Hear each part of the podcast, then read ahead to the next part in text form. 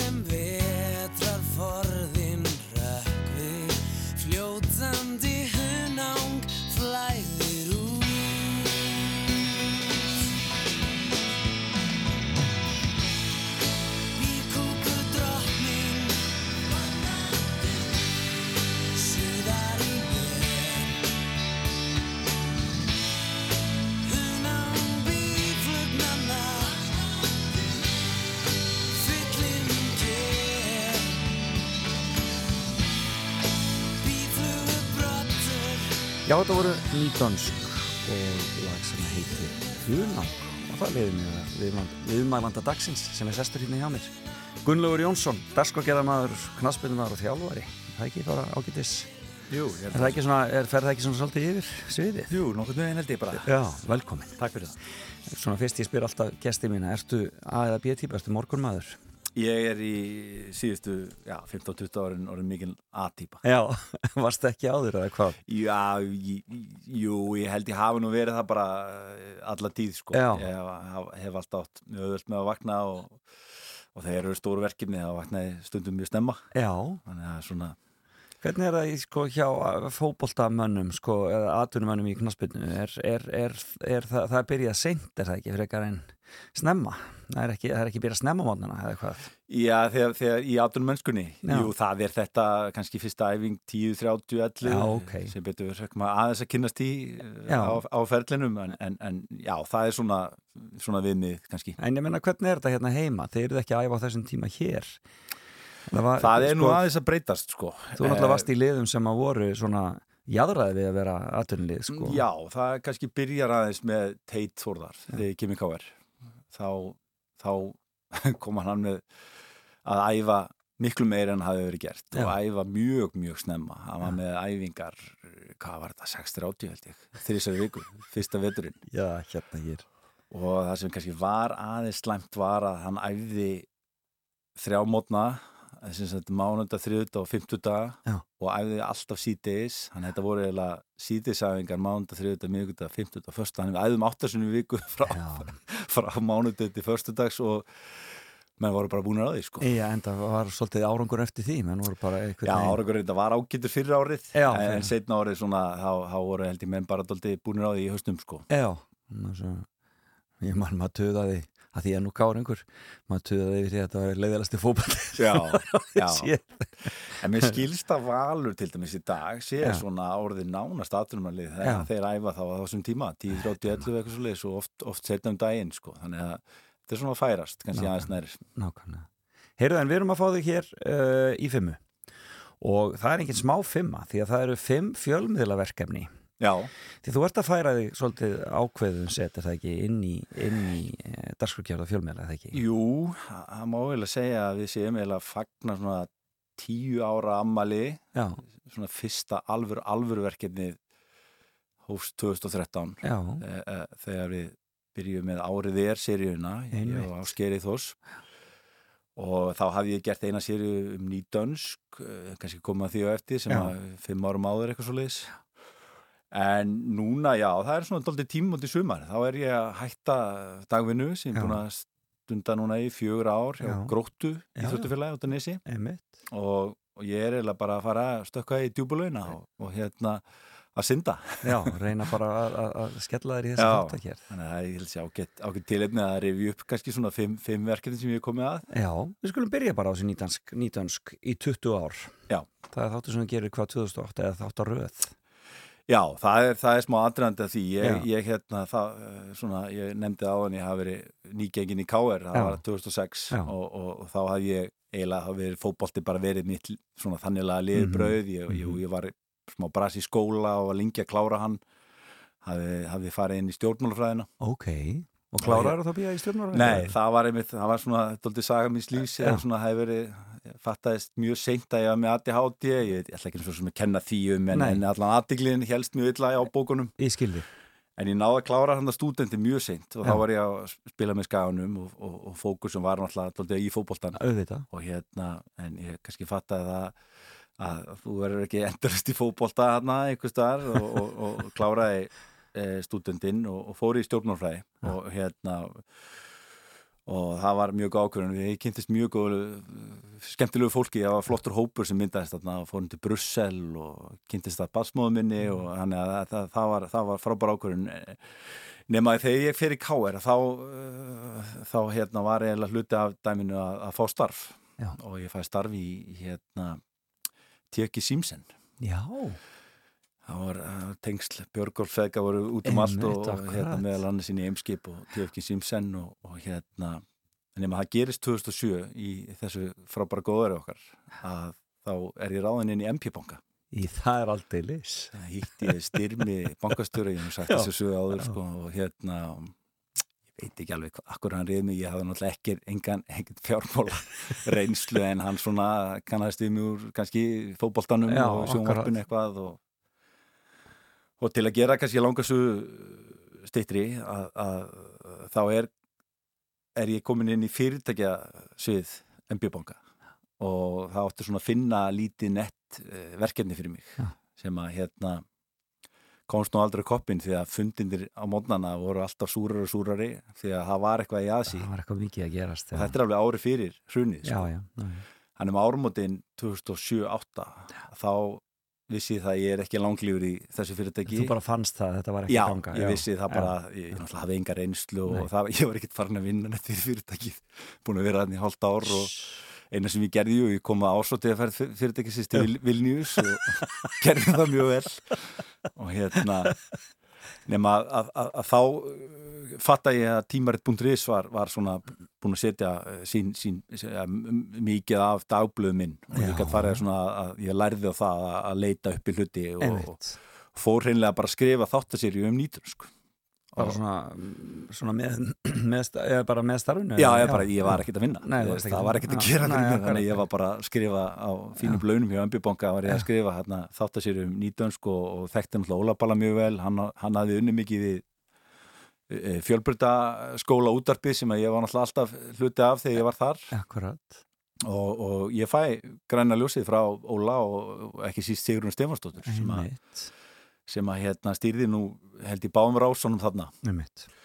Og þetta var mjög metnald verkinni, þetta voru fimm þættir, fimm kluktum þættir um sögu nýdönsk og þarna var akkur nýdönska, ja, Daniel Águst að koma aftur inn í nýdönsk og Já. það var svona smá tímamót, þetta var flottur svona, flott moment að gera eh, sögunni skil, þeir voru 20 ára, áttu 20 ára ammali hann um þessar myndir og, og, Og það alveg- mikill aðtáðandi þeirra? Já, ég var það mjög mikill aðdáðandi Mm. og, og það mikill aðdáðandi að Jón Ólars kom e, að máli við mig og, og, og Gunnar Hjört vinn minn heitinn sem, a, sem að við vorum miklar tvíbökur í gamla á einhverju ídjónsballi og baða okkur að skrifa sagt, um hljónsveitina í leikskránu við Gauragang Já, já, einmitt og hérna, það leiði kannski að klippu sem Já, við ætlum að spila því að hérna það er mitt um, það er úr þess það er semst bara þannig útskýra aðeins hvað við erum að fara að heyra, þetta er semst upphafið af fjórða þætti held ég að sé og það er að, einmitt verið að tala um Gauragang og þannig er akkur hljónsveitin að fara í hlje þetta er 93 cirka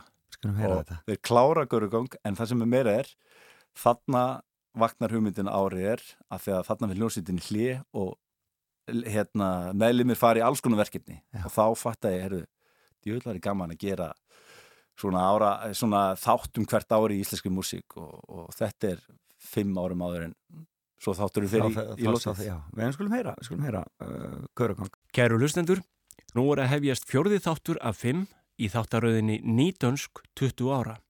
Umsjónarmaður er Gunnlaugur Jónsson. Þegar síðasta þetta lauk hafði nýdönsk nýloki við hljómblutuna Hunang. Mikil orka og peningar hafði farið meikbröld en án árakurs. Hljómsveitin tók jafnframt að sér að vinna með Ólafi Hauki Símonarsinni og Þóralli Sigursinni leikstjóra að söngleiknum Gauragangi sem byggðu var að samnendri bók Ólafs Hauks.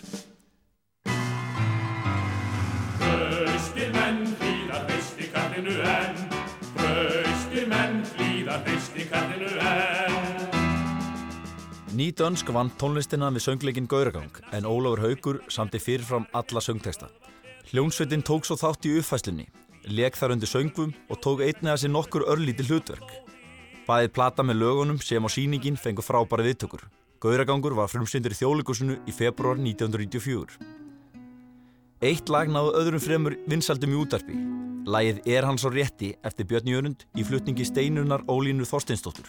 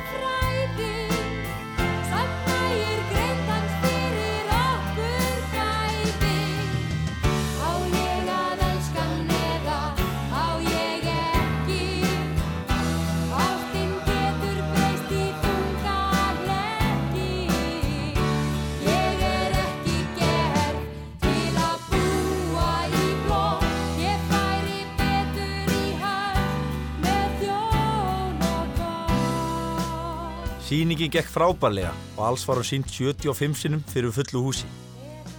Lokasýningin var þann annan mars 1995 eða rúma áru eftir frumsýninguna. Óta Proppe sem er betur þekktur sem söngvarist Dr. Spock og hérna góðsagnan kentu Ham var tólunstagagrandi vikublasins eindag árið 1994 og hann var hrifin af tólunstinu Gauragangi og segir meðal annars Það er auðheyrt á plötunni að hér eru mikinn popsöngleikaræða, lögin eru í flestum tilfellum hressmjög, tónlistin sveifla sér milli stíla eins og api í búri. Lítt heyrist að nýdanskir séu nýjir í leikhúsbransanum. Þeir semja lög sem henta hverjum söngvara fyrir sig, þeir syngja sjálfur ef svo ber undir og það sem meira er, þeir semja lög sem standa léttilega óstudd á plötunni. Ekkert er kyrst út á sjó Samstarf hljónstærinar fjaraði út að heita má vorið 1994 þótt sveitin hafi haldið áfram að leika og syngja í gauragangi fram í mars 95. Það má segja að listranna þreytu hafa fyrir að gæta en meðlumum fannst sem þeir varu farin að endurtaka sig full mikið. Frí var óumflúið. Frí var óumflúið. Þetta er dramatíst. Já, Ha. mjög dramatist og hann er bóið komin inn og, Já, já, og hann, hann átti svo eftir að koma heldur betur sterkur inn þegar, þegar hérna, við fengum eða ég fekk grænt ljós á þess að þáttar í serju og ég kynnt hana strax að um vorið, sko, Akkurat. 2008 en, en sem betur fyrr var, var ekki, ekki ráðist í þetta mikla stórverki þá því að hún þurfti alveg að gerja staðins lengur. Akkurat, en þú varst, en þú varstu fann að vinna með Ásker Eithúsinni þarna á þessum tíma þegar í nýtönsk þáttunum var Ásker eitthvað komin nei Áskir, Áskir var, var held ég, hann var hérna innan hús Hann var starfsmaður á Já, Rás tvö, hann var já, starfsmaður já. Rása 2 en nei, nei, það, það og, og, og hann kemur svo sem ekki alveg strax inn í, inn í umræðina Sýnst, ég, hann kalla mér endur að fund hann að hausti 2012 Mhm. þá hef ég verið að þjálfa á Akureyri og það var ljóst að ég er ekki áfram þar og, og þá mundur eftir þessar hugmynd, árið, árið er hugmynd. Einmitt. og hann var fengið til að hóa í mig og, og, og kom á fund með Margreti Martins sem var þá uh, að stýra Rás 2 Einmitt. og það var alveg búið að vera gerjun í eitt, tvo mánuði hver myndi vinna þetta með mér þangur til að nafn hans kom upp.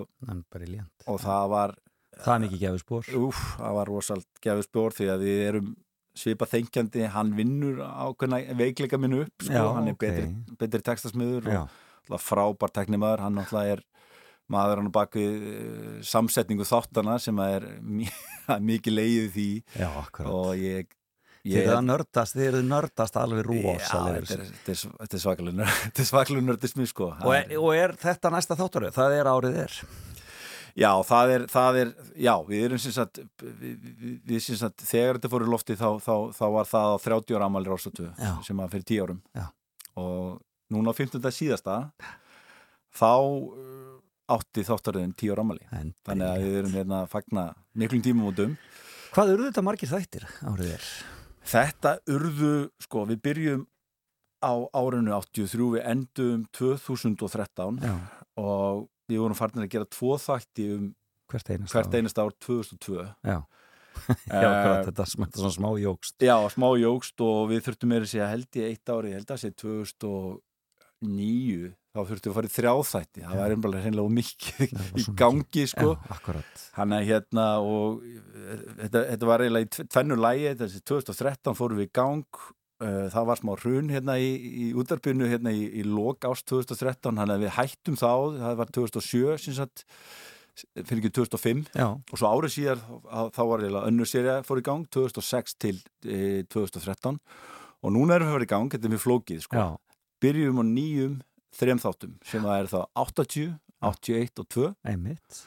og Ef þið tókuð semast fyrir, árin fyrir rástöðurinn. já, já, þannig byrjum við núna í Já. 17. júni þá fyrir Akkurat. þáttaröðin aftur, aftur í gang og svo öll gamla þáttaröðin uh, og 80, 81, 82 verður briljant, það er spennandi ár. já, þeir eru tilbúinir þegar þetta er Já, og við ætlum að fá að heyra eina klippu eftir Já, og hérna, en það sem er við erum byrjað að vinna núna er sem sagt 2014 til 2020 þannig að við verðum hreinlega í eitt ár í loftinu rétt rúmlega á hverju á lögati klukkan, klukkan fjögur þannig að hérna, við erum sem sagt byrjað að vinna það núna En ertu eitthvað búin að taka þetta saman? Hvað eru margir þetta?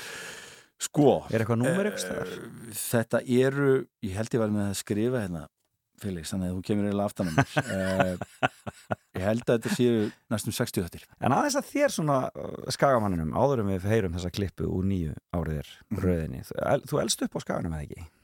Jú, ég er borun og batþötur Borun á balþættur. Já. Og þannig að það- var, var, var það, var, var það bara fótboltinn sem kom til greina? Þú hefur ekkert verið í músík sjálfur eða svoleiðis eða...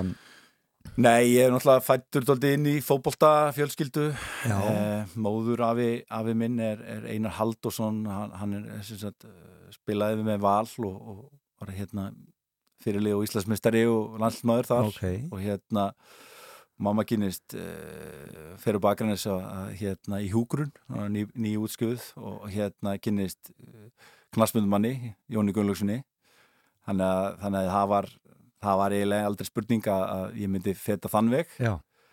Eh, Jú, ég reyndi nú eh, eitthvað að glamra gítar. Orri Harðar er æskuðunni minn og, og hann tók mér nú í gítartíma. Ég held að það hafi verið svona korti sem að sagði nei, Gunnlaugur, þú ert ekki eftir að læra gítar. En ég hef verið tólist, mikið tólistar áhuga maður. Já. og það er svona sérstaklega þegar maður er svona komast á úlingsaldurinn það var mikið verið endur vinna hérna gamlar, gamlar plötur á, á diska eh, spiliverki, þussana trúbrót og þá einhvern Einmitt. veginn tekið ástfóstri við íslenski músík Já, jafnvel þá eldri íslenska músík. Þarna uh, fa- er þetta tími upp, uppvakslar árn á skaganum sem, sem þú lítur til með, með, með jákvæðinni og þarna Já, já, það ger ég eh, Ég elst upp í frábærum árgangi Já. Það er þessi fræði 73 árgangur sem eru tvíbrotnir og Lárus Orri og Dotti Guðjóns og, Mhm.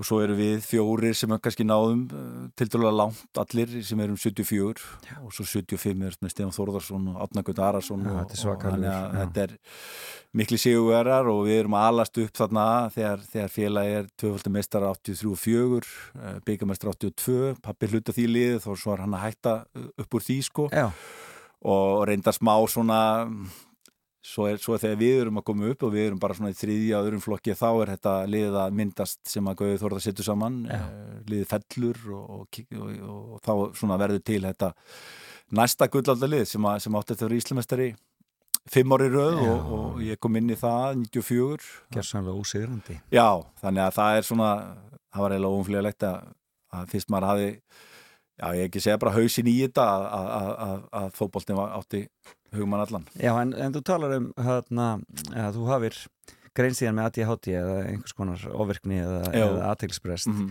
þarna uh, háðið þær þér á þessum árum þegar þú svona lítur tilbaka? Skólanum held ég á. Já.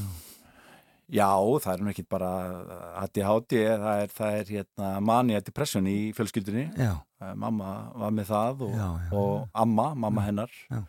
og ég veikist eh, illa er átjónara sko, Já. af manju það er alltaf lis þannig að, þannig að hérna Og þannig þá að- bara meðan þú ert í fótbolta Já, á stadd- ferlinu sko. Já, ég er, tók hlið í námi eh, í fjölbröð og, og Gunnar Sigursson, knarspundu frumur og Akransi, hafði mikil tengsl eh, til Aberdeen, sérst félagi hafði spilað við Aberdeen þegar Alls Ferguson var þjálfari þar og, og það heila stóð til að ég færi annarkvort til Aberdeen eða Manchester United til að æfa í tvo mánu það var ákveð að senda mig bara út og, og láta mig æfa fyrst að ég ákveð að taka frí í skóla. Já. og ég nú hugsa ofta það hefur nú verið gaman að fara til Manchester United þarna því að þarna eru að koma upp Beckham og, Já, og allir þessi gæjar sko, strákar og- þínum aldri. Já, já, strákar sem voru bara einu, einu ár yngri Beckham og Neville bræður eru einu ár yngri sko, en ég og, og hérna Skóls og hvað er heita. En það var ákveð að fara kannski aðeins fjölskyldu vatna umhverfi og, og ég fer til Aberdeen og, og hérna og það var frábært tími en, það var alveg ljóst undir lokin að það var eitthvað að Já. ég var að, var að hérna veikjast og kem fór veikur heim Það er bara svo leis Og það er náttúrulega með, saman með geðsjúkdóma og aðra sjúkdóma það er náttúrulega bara, maður, bara, maður vill bara bata Jú, eh, og eh, hvernig, hvernig er unnið í, í, í, í maníu? Já, ég fór bara Er það livjagjöf eða? Já, ég fór inn og geði del sko og, og það, já, það er livjagjöf og er þetta svo, er svo áframhaldandi vinna þá bara út lífið eða svo leiðis? ekki alveg í mínu tilfelli þannig. Þú þarf náttúrulega að halda halda hvað maður að segja, þú þarf að halda hérna reglu bara, Já. það er sér talað um það sko. og blessunulega hefur þetta nú gengið nokkuð vel hjá mér eh, ég var náttúrulega alveg frá síns ég kem út kannski 15. janúar eitthvað svo leiðis, þetta, þetta fyrir inn í byrjun desember Já. og allt, öll, allt svo er það svona vori sem ég er bara svona að ranka við mér, ég held ég sofi bara meira að minna sko. Já, ég, ég er á, er á eh, fyrir á okkur svona lif, lif sem heitir lithium sem er svona Já. Sölt svona sem að halda jafnvægi sko. Já, svo hef ég hættið þeim bara Já. og það gekk bara mjög vel svona tvígang eftir það hef ég, hef ég fundið að svo sem ekki, ekki greinst en, en kannski dóldi hætt, hætt komin 2018 Já, þannig að þú finnur að þú þarft þá í rauninni að, að slaka á, þú þarft að finna hérna, Já, já, ég held það er, þú veist, átjónaldi stórt árum það er að skilja og það er Já. allt einhvern veginn í gangi. Eh, ég, er, ég, ég er komast í gangi í þessum fjölmjölum og, ég, ég, ég alltaf hætti í fótboltanum einhvern veginn að þjálfun en þarf að taka við þrótti og það er einhvern veginn var að gera upp íbúð og Já, við séðum áramöndin að ég var held ég bara fárveikur um sömarið sko. og að taka allt og mikið í fangið í og, og hausti fyrir einhvern veginn í það bara í niðurtúrin sko.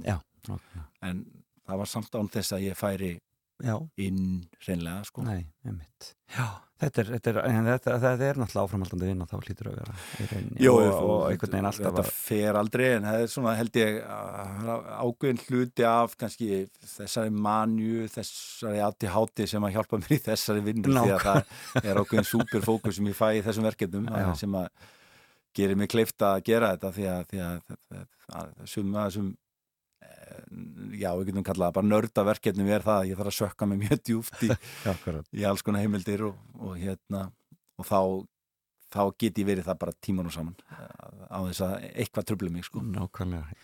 Já, við skulum þá bara fara í það að heyra hérna það sem að þú varst búin að undirbúa fyrir mig uh, úr árið er Já, við, hérna eins og ég segi við, við, erum að fara aftur í gangi í sumar og við ákveðum það það tók okkur smá tíma að svona slípa eh, svona hérna þættina og þeir eru svona tempóð eru því rétt og svo leiðist Já. þannig að við ákveðum að endurvinna nokkra fyrstu þættina. Ok, og þannig erum við komin 1985 við, ég fann sem sagt sjónvarstátt um fegurarsangtindi Íslands 1985 og það sem er að hann er geggjaður. Og þetta er Rod ég man eftir þessu. Þannig er Rod Stewart þarna óvæntu gestur Já, og, og er, er á einhverju landsleik Ísland-Skotland hérna deginum áður og Já, Helgi Péturs þarna mikið stand-up í byrjun þáttar og við notum það eins og við notum þennan þátt er þetta ekki fræði Davíð Oddsson líka þátturinn þar sem að þarna, allt var vittlust í kjölfarið í, í borgarstjórn Jú, gott ef ekki Já. En, en þessi þáttur er bara um þessa fjóruðsakinu þannig að við náum, við náum að hérna, setja það eins inn í dæmið og ég held að þetta sé skemmtilegt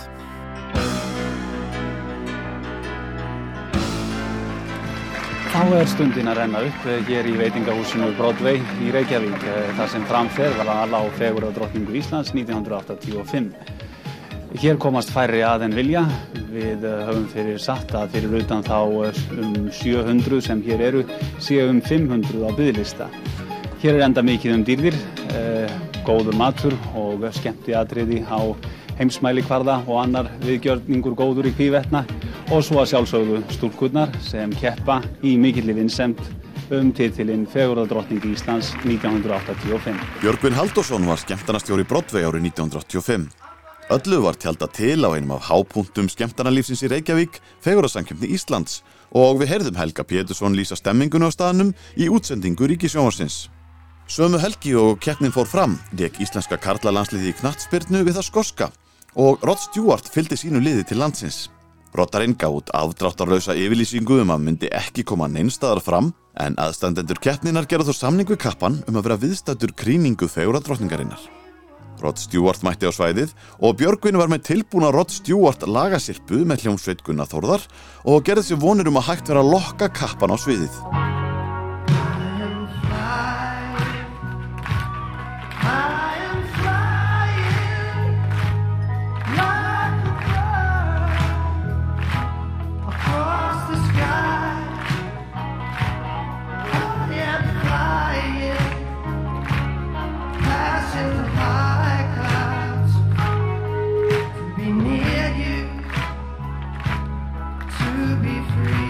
Þarna heyrðu brot af samsöng Björgvins Halldórssonar og Rod Stewart í læginu Sailing á skemmtistanum Broadway.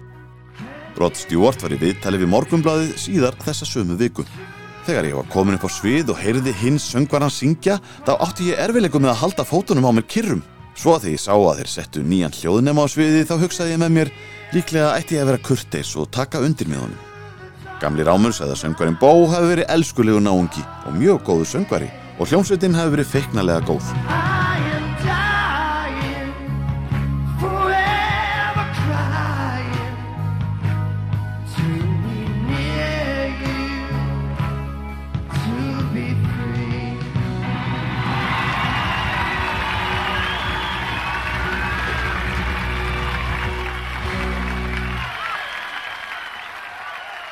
Árið er 1985.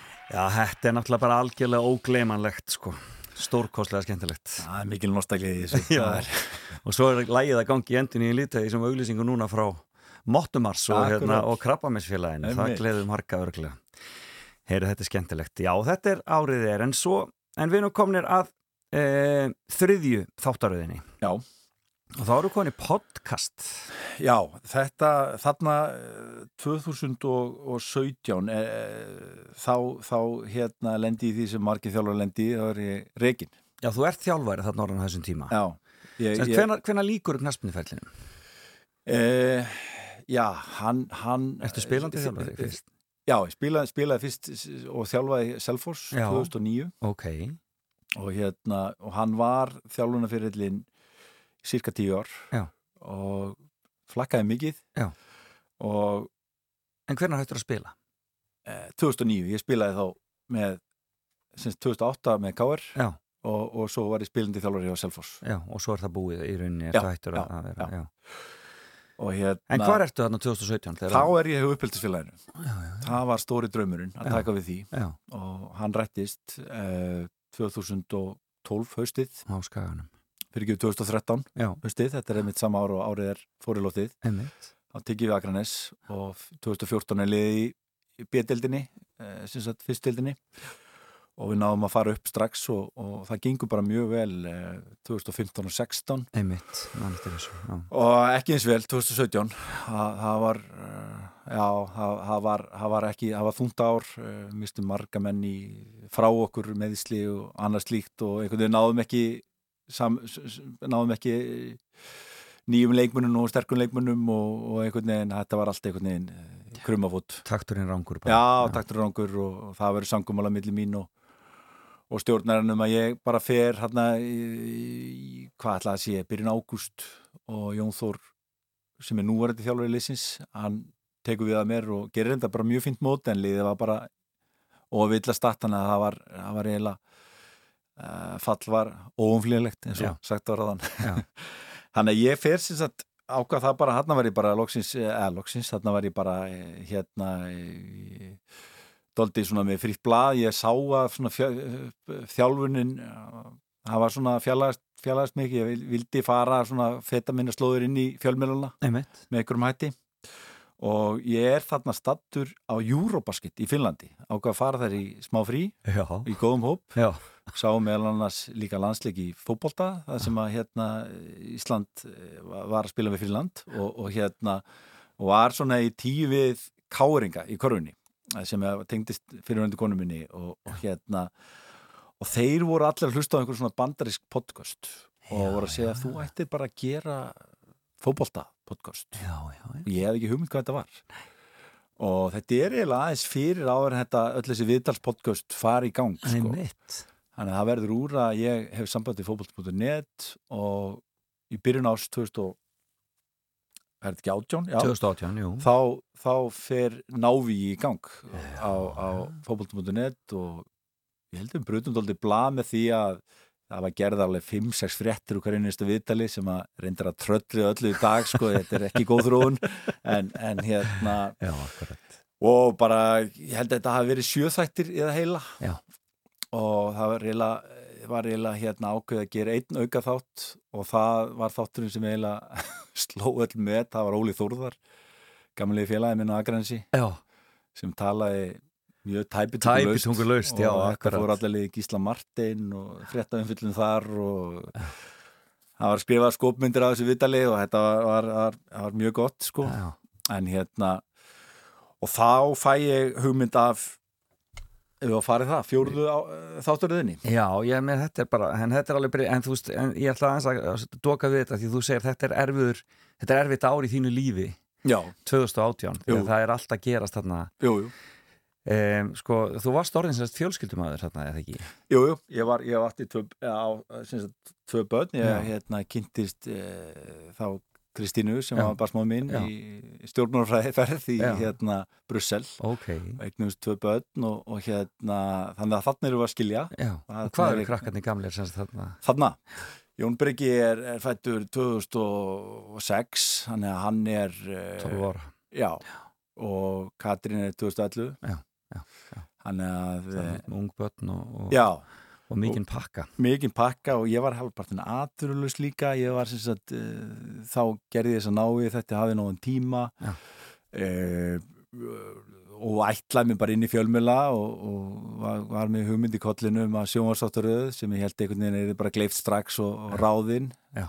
Ekki alveg minnu þess að árið er þurfti fjóra, fjögur ári áður en það fór í gang. Fór í gang sko. Þetta er svo langur tími oft tíðum Já, Sérstaklega svona stærri hugmyndinar og þessi hugmynd er hvað? Er, hún heitir Áskorun. Já, hún heitir Áskorun og þarna var ég farin að kynna hana fyrir Rúf og Hilma Björnsson sagði að það var, ég held að það var ólimpi árið eitthvað álíka, það var bara allt budget búið og, og, og eðlilega og skiljalega, það var, var ekki, ekki til fyrir það og hún listi vel á þetta en það sem reytti mig dóldi til reyði og, og hérna var að ég var að lofa fundi á stötu og, og hérna var, fekk aldrei fundin og var í samskiptum við þávarandi eh, sem að sá um dagskrána og, og hérna.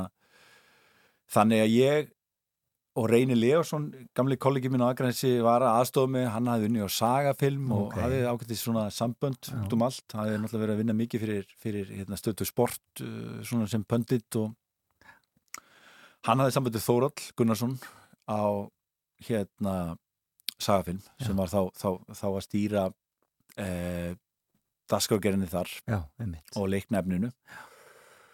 Og Þórallur leist mjög vel á þetta og þetta var, þetta er sem sagt hugmynd áskorun, þetta er svona fyrirmyndin er, er, er, þættir hjá ISBN sem er þetta 30 for 30 það sem er kafað svona djúft í íþróttasögur. Já, já, ok.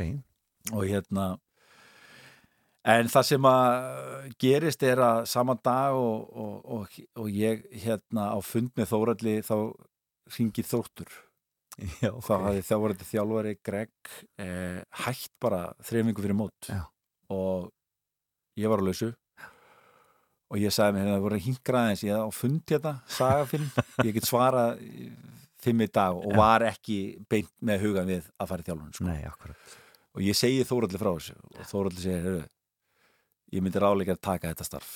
Ég, hérna, þetta mun taka smá tíma. Við höfum eftir að koma þessu við, við, þetta er ofta að gerjast í okkur svo eftir að koma og selja með og milli fjármögnunin og já, það allt þetta dót. Mhm. og ég ringi reynir og segja nú þetta og hann sagði bara, heyrðu gerði bara nákvæmlega það sem Þóraldi segir takt Já. þessu jobbi, takt þetta sumar Já. og, og hérna og svo bara sérði í haust til í haust hvort að, hvort að fótbolti verður á eða hvort að þetta fjölmjöluverkni verður komið í gang og ég gerði það og eðlilega tók þetta fjölmjöluverkni smá tóll því að það þurfti náttúrulega að, fara fullt í að, þróa hugmyndina og, og velja sögurnar og, ég var að vinna með Tinnu Jóhansdóttir sem var þá varandi svona hægri höndina Þóralds og, Þóraldur var svona eiginlega farin svona þegar, þegar líður á þetta sumar uh, úr sagafilm, þannig að Tinna tók við verkefninu. En það er alltaf fullu, þannig er ég að skilja þannig er ég að kaupa íbúð og er að gera hann upp og er að taka við fótboltaliði er að gera áskorun sem að var áskorun út af sig. Nákvæmlega. og já, það var uh, mikið í gangi. Þetta var bara mikið ár. Já, þannig að það verður úr að það, ég næði fínu takt í veist, næði bara ég, Var þetta ekki bara gott sumar? í Jú, jú, ég er hann hálfmanniskur sko Já. Eh, eh, svona eh, ég var, ég var gjössamlega ólinn sko, og var, var svona á hliðlinni, dálítið Ok. svona klopplegur sko, var svona Já. mikið lífi mér sko, sem var ólíkt mér áður sko og fekk tvo frábara aðstofnir sem var svona ungi gæjar og, og svona þeir sá bara um æfingarnar og ég var bara svona einhver svona mannaser og var að breyta liðinu og taka ungastráku inn og eldri gæjar fóru þannig að það var rosa spennandi lið í gangi sem, Já. að, sem að var mjög nálægt í að fara í alveg bara til að fara upp sko. Leit nú ekki alveg út þannig í byrjun Einmitt. En það gekk ekki upp og svo eins og ég sagði kannski áðan þá, þá verður haustið aldrei þúlt og Kemur ég fæ niðurtúrinn. grant ljós á, á þetta sjónvarsdátturöð bara þarna í nóvember Já. Sagafilm, Pálmi hjá Sagafilm nei, hérna hjá Símoni sig Símanum, akkurat. ákvað að fara í, gang þannig að ég raunur um áramótin byrja tökurnar Já. og ég þjálfari þróttar, það er framlengt en ég sá það strax að í februar að þetta gekk ekki saman Já. þannig að ég, ég hætti á þrótti og, Þú og bara stigst frá útsk- borði útskýri þar. það að, að ég var hrættur um að stígin í annars svona sumar Akkurat. og hérna og fór Og mættur þú skilningi á því? Já, það gerði ég. Ég Já. var bara mjög hreinskilin með e, ástandið, Einmitt. bæði við leikmenn og stjórn Já. og ég fór í viðtal á fótboltum.net þar sem ég raun og sagði sögu Einmitt. og opnaði á þessa, þessi veikindi. Já, já, og, og hérna þannig að já, ég held að ég hafi gert þetta rétt þá, bara laði spilin á borðið og auðvitað er þetta ekki gott fyrir félagið. Ég hafi tekið við þarna þrejum vikum fyrir mót Nákvæmlega. 2018, þarna var reyndar þrjá, þrjá mánur í mót. En, en já, þannig að þetta var já, því miður þá, þá þurfti þetta enda svona en ég held að eftir að ekki hafi þetta verið rétt ákvörðun sko. Þannig að hérna en eins og við þekkjum þá, þá tekur tíma þarna var uh, byrjað tökur og Og hverjir voru fyrstu viðmælendur í áskorun? Það var, það var það Ingi Þór eða ekki? fimm þættir. Það var, það var, það var sundmaðurinn Ingi Þór sem, að, sem, að, hérna, sem að hérna er, er, er hommi. Og, og, og hérna og mikið og, ég er mjög stoltur af þeim þætti því að, því að það þekktu ekki margir þá sögu. Frábært eftir það var Elisabeth Gunnarsdóttir knastbundu þjálfari sem er núna í. Svíþjóð. Nefnitt það var eh, gerpla hérna hópfimleika liði sem var Europamestri í tvígang. Einmitt. Það var Tryggvi Köruboltarísi sem að eh, elst upp hérna í Hlinarsson sem elst upp hann rétti á vatniökli og hafði ekki snert körubólta fyrir 15 ára eitthvað áleika og, og var þarna orðin aðdurumæður á Spáni. Einmitt. Og að lokum var að Guðmundur Guðmundsson. Já. þegar hann stýgur út úr handbóltaþjálfurinn og fer í kaupþing og við erum að sjá eða nákvæmlega sami gangi núna HSI er að leita ártaka Alfred Gíslasonar eftir Európmótið 2008 Já. og það finnst enginn. Og það er bara Dagur segir nei, Aron segir nei eh, einhver svíi segir nei allir segir nei og það er leitað til Guðmundar sem er í kaupþing. Já. og hann hafði engu að tapa, tók slægin en ákvað að breyta ímislegu í sjálfu sér. Svona, við reynum að sína fram á það að það er margt í Já, hans voru, það nálgun voru frábæri þettir, ég man eftir þessu, þetta voru skemmtilegi þettir og, þetta, og þeir eru í loftinu hvað? tv- eh, 2020, Nei, já, ekki þeir þetta. ekki í lofti fyrir 2020 og það er akkurat, það var góð tím, tímasetning, það var COVID og allir að horfa, þannig að hérna, allan þeir sem hafðu áskipt símar segir allan að horfðu þannig að ég- þetta var hérna Já, það var COVID og allir að horfa. Það var ágætt. Heyrðu, tíminn er að hlaupa frá okkur. Við erum þetta svo, við erum svo mikið og skemmtilegt að fara en uh, við eigum ein, eina þáttur að eftir. Já, Hver er svo síðasta? það er þátturinn Víkingar fullkomin endir sem að verður til eh, tímabilið 2021 þá er ég að taka viðtöl fyrir stötu sport á, í, í hérna, Pepsi Max deildin sem ég hétt þá, Já. bestu deildin í dag. Og ég er stattur á Víkingsvellinu þegar Víkingur vinnur valur val í átjöndumferð þetta er, þetta er liðið vel á ágúst og Víkingar vinna mjög flottan og mikinn sigur. Og þá er bara og þá er þeir í bara- þriðja seti og ég fann það það var eitthvað í loftinu. Já. og fer beint með það bara mándinum í stöðtvö sport Garðar, Örn og Eirik og einfallega heimtafund og segja við verum að fá að fylgja viking út tímblið af því að hér var eitthvað í loftinu.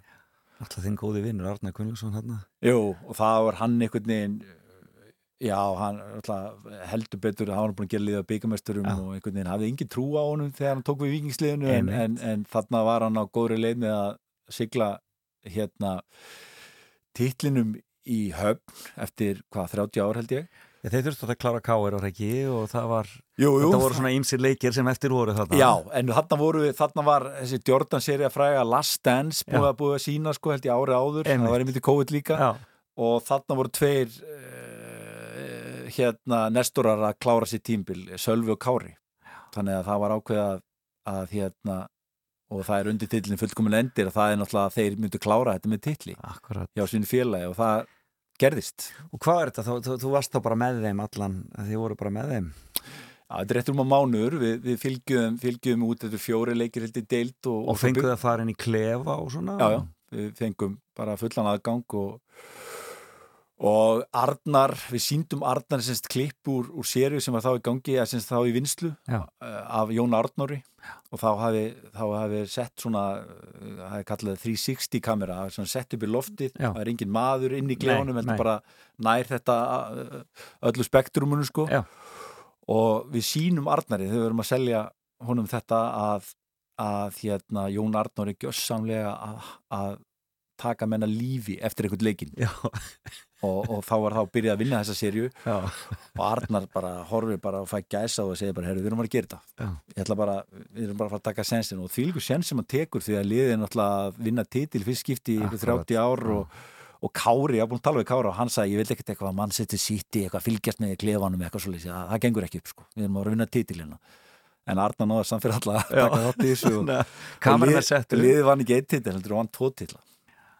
Þeir eru byggjarnir líka. Já, Þetta er alveg, þetta er magnuð þetta er, þetta gæsað, þetta var ótrúlega sko, Já, já, þetta var alveg rosalegt og það er þessi leikur móti káir Það sem er gerir líkja á sem- línunni skallan frá á línunni og hvernig Já, já, þetta var. þetta þetta er bara, þetta er með unbelievable sko. þetta er skemmtilegt, þetta er dásanlegt og nú ertu bara í rauninni komin eh, endanlega inn í þennan bransa Já, að ég lísti á hana að ég hérna, tók slægin í djúbulögin hérna þegar ég, ég fór að gera áskonumsöguna Já. en þá var ég ekki alveg tilbúin held ég að, að, að feta þessa braut. Uh, bara ég hafði ekki nóg mikla reynslu. En, en nú held ég að ég sé tilbúin í þetta og, og við erum sérst að klára þessa ári er seríu næsta árið. Þannig að hérna og ég muni verið í bestu deildinni og svo er svona farið að ræða nokkra hugmyndir. Þannig að, þannig að ég er bjassitt núna. Frábært. Hvaða klippu við að fá að heyra? Nú ætlum við að heyra eh, klipp úr einum af þessum þrejum nýju þáttum sem að, Mhm. sem að hérna, serían byrjar á. Uh, við ætlum að fara til ásins 1981 og þarna er Gunni Þórðar og, Helga Möller og Jó Helga í útrás, Dásanlegt þú og ég. Gunnlaugur Jónsson, kæra þakki fyrir komuna í fram og tilbaka. Takk fyrir að fá mig. Árið er 1981.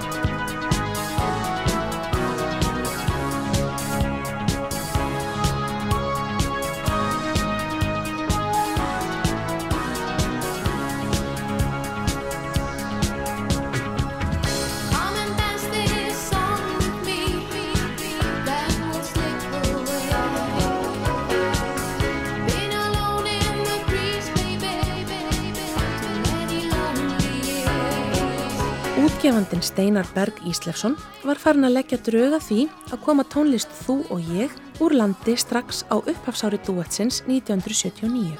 Steinar sagði í viðtali við tíman í lok ágúst 1981 að öll vinna við fyrstu plötuna hefði miðast við að hún færi á erlendar markað. Smáskefa með læginu í Reykjavíkurborg kom út á Norðurlöndunum í upphafi árs 1981. Enskur titill lagsins var My Hometown við texta Toby Herman, eiginkonu Gunnars Þorðarssonar. Smáskifan kom svo út í Japan síðar á árinu og þar náðu þú og ég sínum besta árangri með 60.000 eintaka sölu. Hann fór einhverja síbjörsar ástöfnu hann Steina líka í Svíþjóð held ég. Þar hefðu Japanir heyrt þetta og Epic Sony í Japan og þeir vildi gefa þetta út og vildi náttúrulega fá þetta alltaf á ennsku. En Japaninni gerðu þarna tvær, þrjár, tveggjalaplötur og svo stóra plötu og þetta gekk mjög vel í Japan. You and I, eins og þú og ég nefndist í útrásinni, gaf út stóra plötu hjá Epic Records í Japan 1981. Þar voru lög af fyrstu tveimur plötum duetsins sungin á ennsku. Lag Jóhanns Helgasonar í Reykjavíkuborg ferðaðist víðar um heiminn. Finski söngvarinn Tappan í Kansa sönglæði til dæmis á móðurmáli sínu og gaf það út 1983.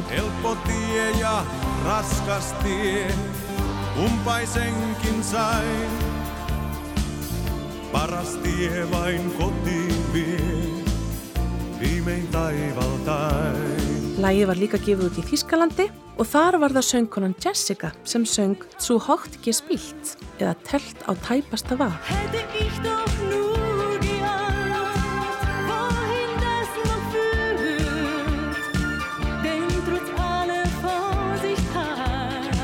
Ich zu hoch gespielt. Já, þetta var Gunnlaugur Jónsson og gaman að fá hann hér í skemmtilegt morgunspjall um hinn ímsu verkefni sem hann hefur unnið í gernum tíðina. Þetta var skemmtilegt e, og e, allt viðtalið við Gulla má finna inn á e, öllum veitum eftir að þessum þætti líkur.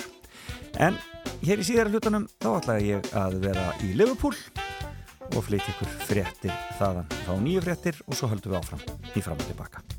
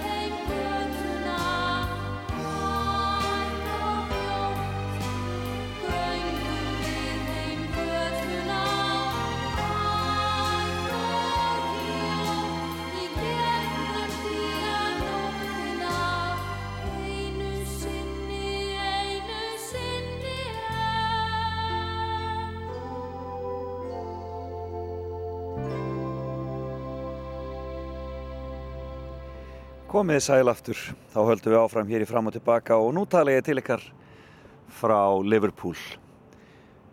Borg sem að er svo örstutt í burtu frá Íslandi. Ég held að flugið hafi valla verið tveir tímar, kannski tveir tímar og fimm minútur beina flugið hingað til Liverpool. Og borg sem að eh, Íslandingar þekkja að því er virðist mjög vel, mjög margir sem koma hingað og það er bara þannig að um leið og maður kemur til Liverpool þá maður byrjar að hitta Íslendinga. Maður er íslensku hér, talað út um allt. En það var Halla Margrét sem að byrjaði þetta hjá okkur eftir nýju fréttinnar eh, með læginu Hægt og hljótt. Eh, margra mati eitt af okkar allra besta framlag í Eurovision keppni í gegnum tíðina. Gaman að rifja það upp. Og það var auðvitað hann Gunnlaugur Jónsson sem var gestur minn hér í morgun uh, og uh, ég þakka honum fyrir skemmtilegt spjall og þeir sem heyrðu það ekki og mistu kannski af við vorum að, tala um svona fimm fjölmjöla verkefni sem að, Gulli hefur komið að í gegnum tíðina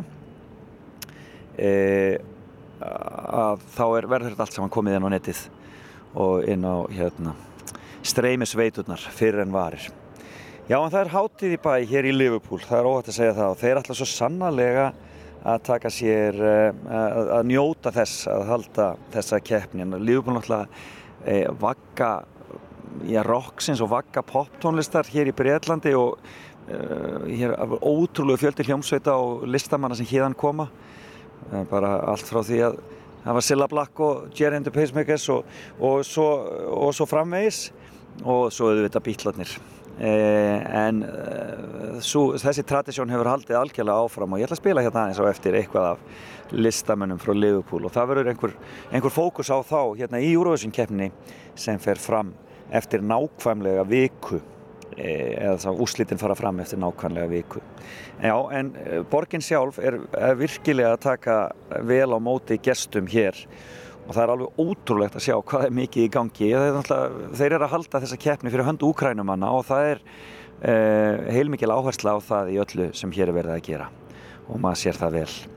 Og það verður hér, það er sko þeir kallaði Eurofestival, það er bara hátíð í borginni í tvær vikur og það eru myndlistaverk og listaverk eftir sérstaklega eftir úkrænska listamenn út um alla borg.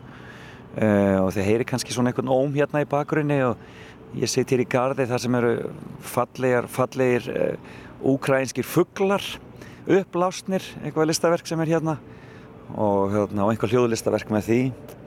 Ég síðan alltaf er að opna, uh, eru þeir búin að opna uh, það sem ég kalla Eurovision Village eða Eurovision Þorpið og þar verður partí bara alveg fram að, fram að 13. mæ.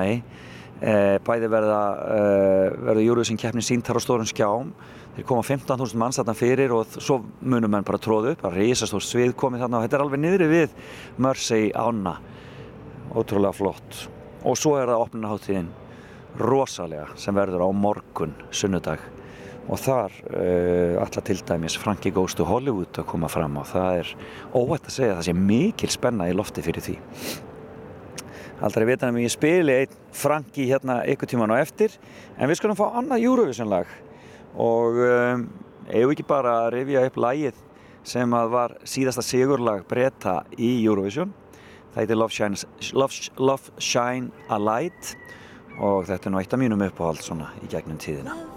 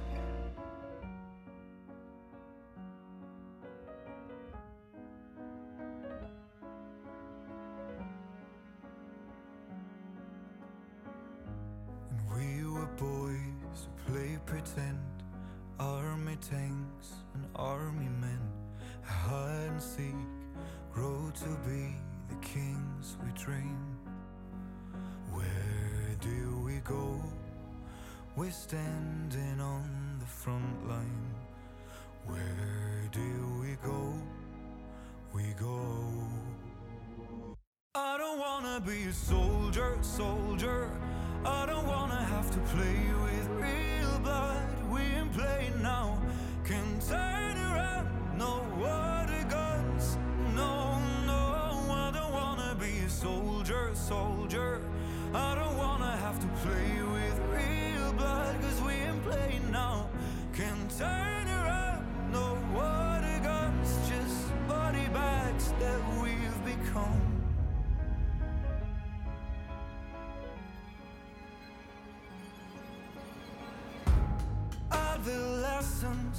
breaking rules. Nothing hurts when you're bulletproof. I remember, yes, I do. I do.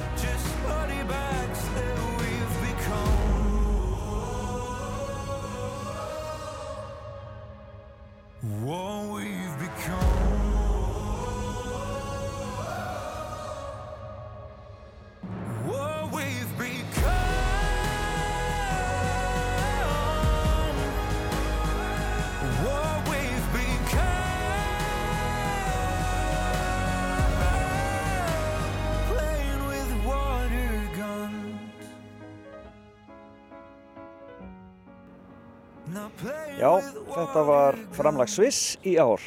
Ungur maður, kornungur maður sem heitir Remo Forrer og lag sem heitir Watergun og þetta fekk nú aldeilis príðilegar viðtökur í uh, alla leið þættinum í sjónvarpinu. Þau voru mjög hrifun að því dómnendin í alla leið og hann hefur alveg sleiðið í gegn hérna þessi strákur síðan hann kom hingað. Uh, menn voru ekkert vissir um að þetta væri lag sem ætti eftir að gera nokkuð skapaðan hluti í keppninni en hann er alveg að, alveg að heilla, heilla alla upp úr skónum og uh, verður gaman að sjá hvernig hann á eftir að ganga. Eh, og það eru ímsi listamenn sem hafa komið hér og svona eru að, að vekja heilmikla aðtikli eh, og það verður gaman að sjá hvernig þetta fer allt saman. Veðbankarnir náttúrulega eins og þeir eru en það er svo gaman að sjá þeirra atriðin koma á svið og uh, Norrland og þjóðnar er að standa sér frábælega finnarnir frábærir og þeirra uppsetning aðeinslega flott. En mjög gaman líka að sjá tjekkana koma hér mjög sterka inn og uh, gera, já, gera bara virkilega vel. Um, og svo eru margir spenntir að sjá hvernig franska atriðið eftir að koma út. Ísrael með mikið húlum hæ og gleðja marga uh, og svo eru margir sem eru hrifnir af því sem að hollendingarnir eru að gera með atriði sem að, já, ólag sem að margir hafa ekkert verið alveg vissir um. En það getur alveg, alveg gert eitthvað skemmtilegt. Og svo eru menn eins og ég sem gleiðast mikið yfir flottu lagi frá Slóveníu. Uh, hljómsveit sem heitir Joker Out sem er þar uh, að syngja fyrir Sloveníu og það verður mjög spennand að sjá hvernig það á allt þetta er að ganga hjá þeim.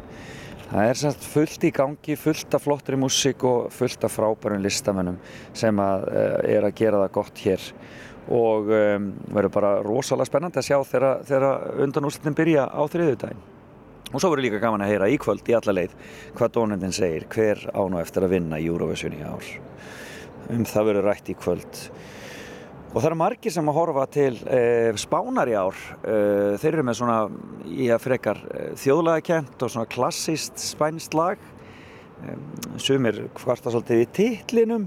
E, það heitir bara einfallega EA EA sem er svolítið það sem hún er að, er að, hérna, er að hljóða konan í, í læginu. E, það eru svona hljóðin sem heyrast í læginu.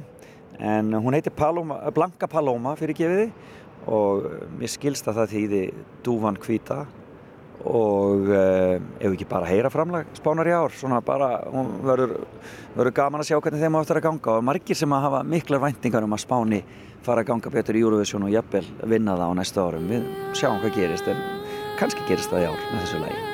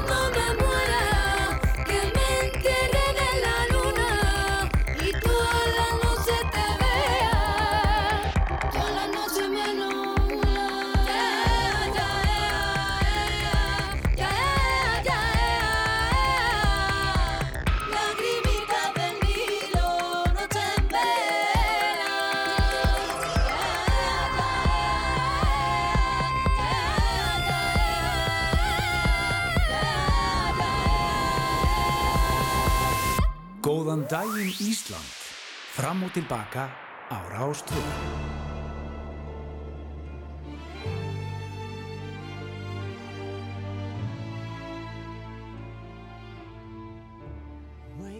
rubble, walking over glass. Neighbors say we're trouble. Well, that time has passed. Peering from the mirror, no, that isn't me. A stranger getting nearer. Who can this person be? You wouldn't know me at all today. From the fading light.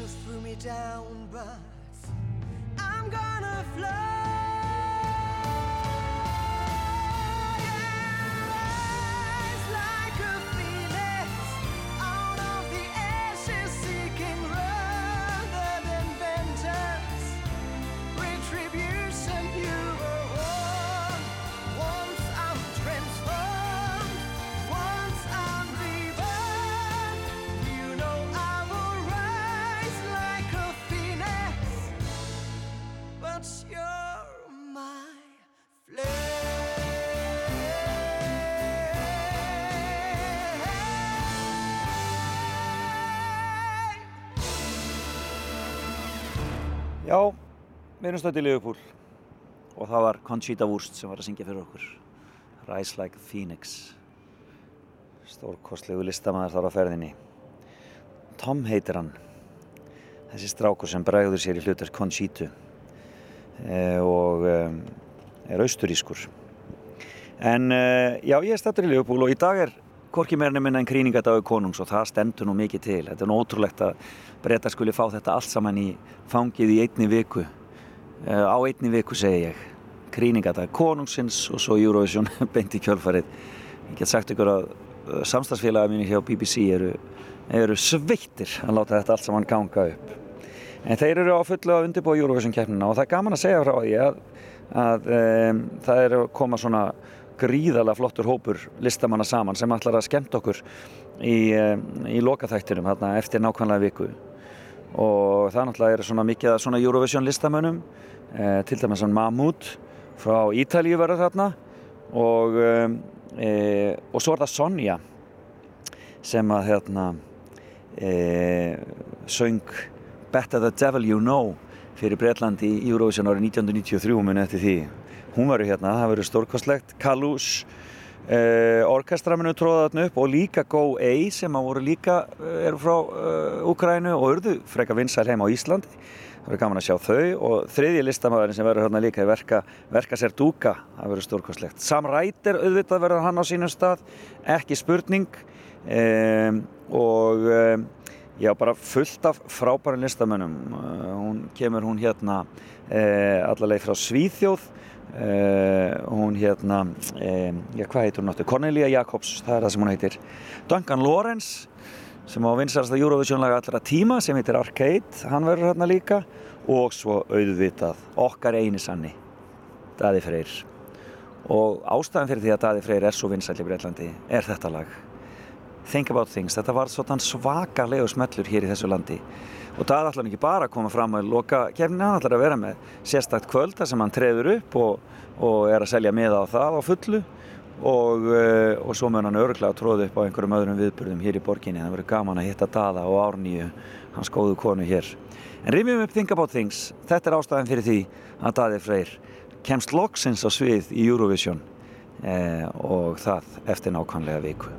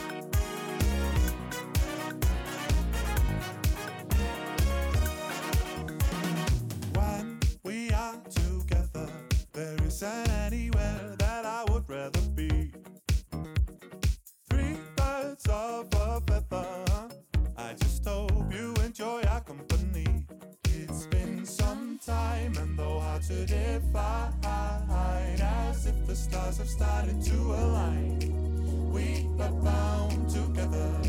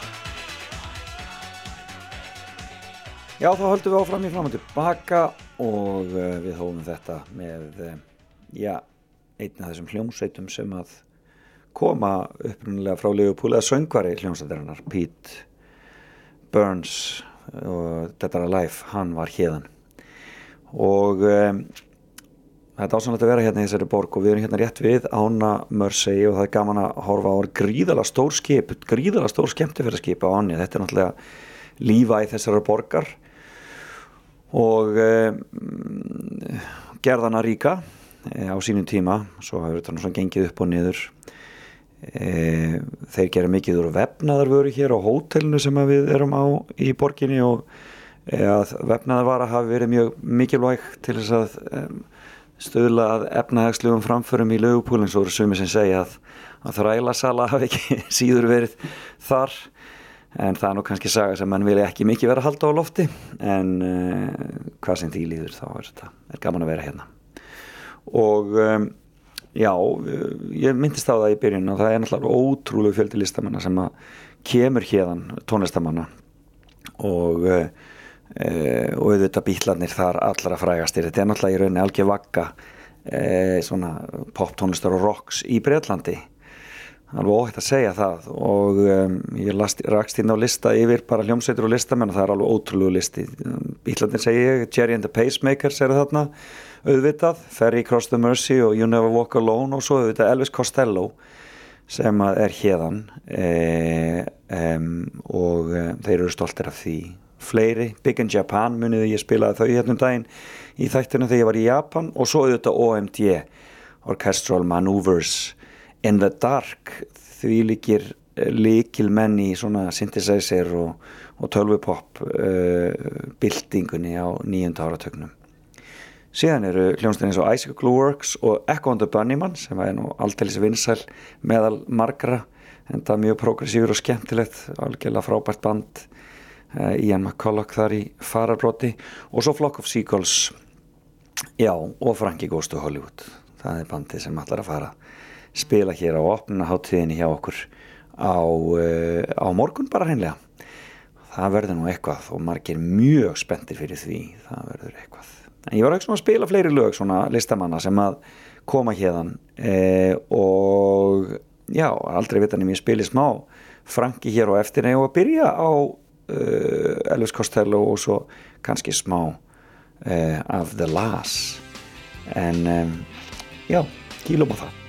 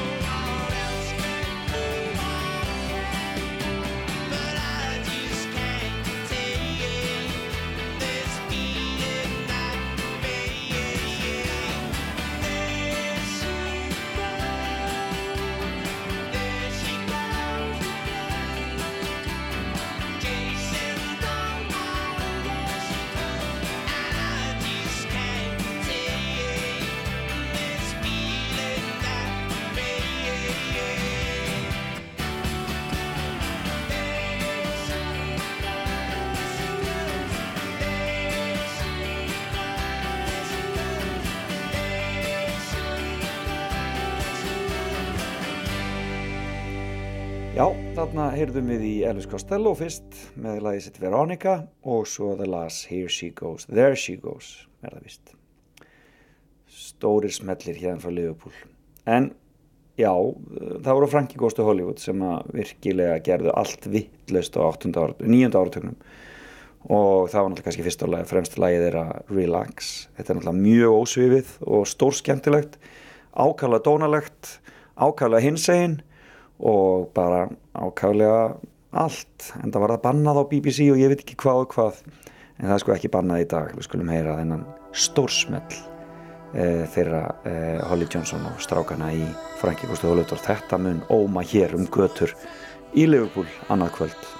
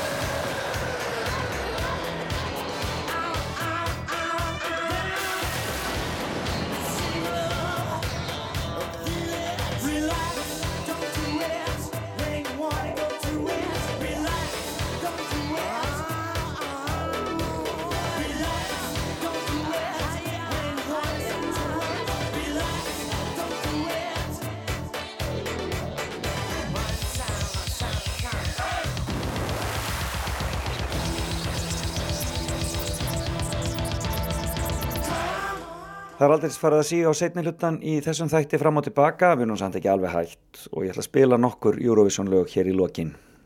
Pálapöng, Herubjörg og Diljá. Skulum byrja á Pálapöng, rifjum upp frábæra framistöðu strákana í eh, Kaupanöfn árið 2014.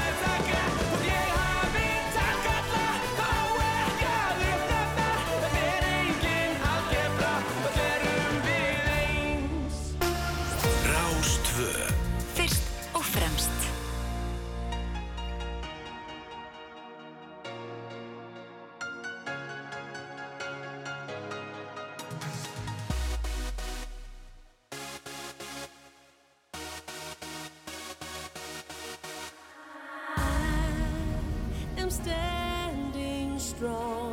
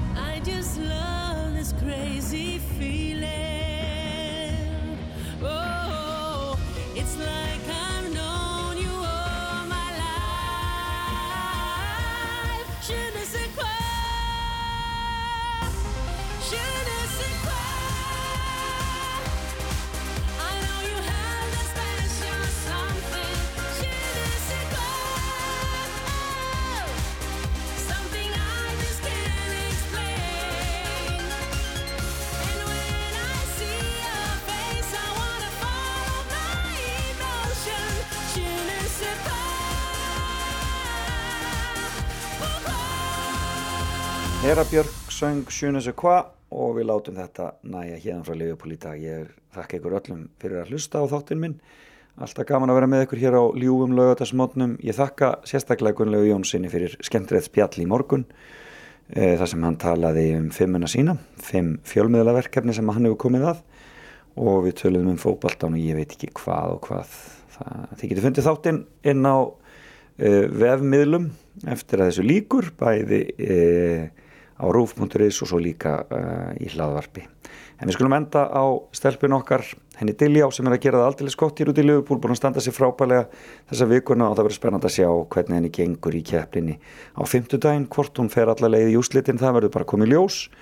Það er ekki, uh, ekki örugt en við höldum að hama stiðjana og atriðið er flott. Endum þetta á Power, Felix Bergsson kveður frá Liverpool. Heyrumst aftur eftir hálfan mánuð. Bless, bless. hold you back no more. And God spread your wings and fly away. And carrying you way too long, like an obsession. I thought you were a living part of me, but I got my power